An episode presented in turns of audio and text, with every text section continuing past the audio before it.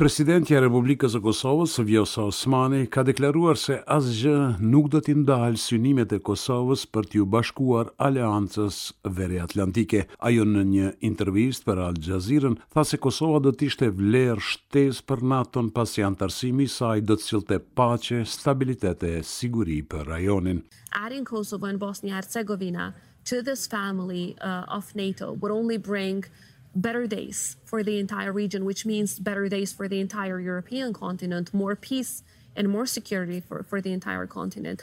Uh, obviously, we do understand that the four non recognizers within NATO might have a problem right now, but I believe everyone, absolutely everyone right now, should see the open door policy from a security lens, from a security point of view. And if they see it that way, they will understand why it is important for countries of our region to join as well. We're ready to meet all of the criteria.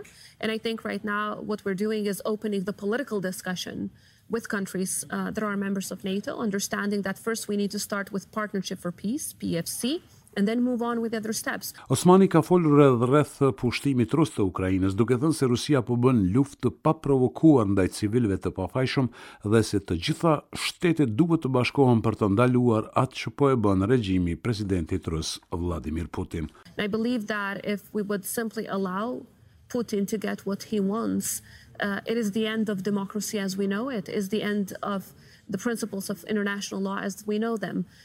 We should therefore countries big and small work hand in hand to make sure that we stop what Russia is doing right now and we make sure that Putin's regime collapses. Presidentja tha se Rusia do të vazhdojë të kërcënojë të gjitha vendet e rajonit dhe të tjerat që duan të anëtarësohen në NATO. Kryeministri i Kosovës Albin Kurti në një intervistë për gazetën prestigjioze franceze Le Monde ka folur për zhvillimet në Ukrainë dhe ndikimin e saj në vendin tonë dhe Ballkanin Perëndimor. I pyetur nëse lufta në Ukrainë mund të ngjallte një konflikt në Ballkan, Kurti tha se Rusia mund ta bëjë këtë duke përdorur Serbinë dhe pa pasur nevojë që të përdorë rezervat e saj ushtarake. Kuvendi i Kosovës votoi projektligjin për kompenzimin e viktimave të krimit. Deputetët me shumicë votash miratuan edhe projektligjin për pronën publike dhe projektligjin për bashkëpunim juridik ndërkombëtar në çështjet civile. Por, mosmiratimi i ligjit për paga, mosngritja e pagës minimale dhe lejimi i tërheqjes së një pjese të kursimeve të qytetarëve nga Trusti janë tri çështje shqetësuese për Aleancën për Ardhmërinë e Kosovës, të cilat presin zgjidhje. Shefi i grupit parlamentar të AAK-së, Besnik Tahiri, në një konferencë për media para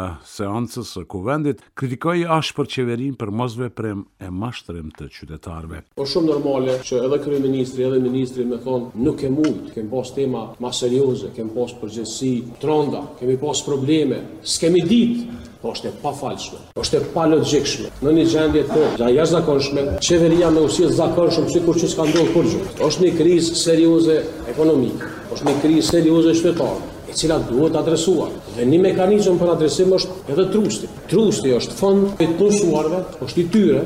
Zëvendës kryeministri i parë për Integrim Europian, Zhvillim dhe Dialog Besnik Bislimi ka bërë të ditur se të enjten do të mbahet takimi i radhës mes grupeve negociuese për marrëveshjen për targat. Të enjten e ardhshme kanë me u taku grupi punues i Kosovës edhe grupi punues i Serbisë për me mundu me finalizu marrëveshjen për targat. Ne shpresojmë se do të ketë qasje konstruktive dy palëve që kish me çu deri te një zgjidhje. Me datën njëzet e një prill duhet me dal raporti final a kemi zgjidhje apo nuk nuk kemi zgjidhje. Në Komisionin për Integrime Evropiane të Kuvendit, Bislimi ka folur edhe për projektligjin për pagat, ku ka thënë se ajo është për nivelizimin e tyre dhe nuk duhet prezantuar si rritje pagash. Projektligji për paga nuk është projektligj për rritje të pagave. Është projektligj për paga. Nuk është mirë publikut me ia prezantu si narrativë që është tu ardhur një ligj që i rrit pagat. Është një është duke ardhur një ligj që i nivelizon edhe i rregullon pagat, se nuk kanë qenë të rregulluara. A ka me rezultu në rritje? Mbase po.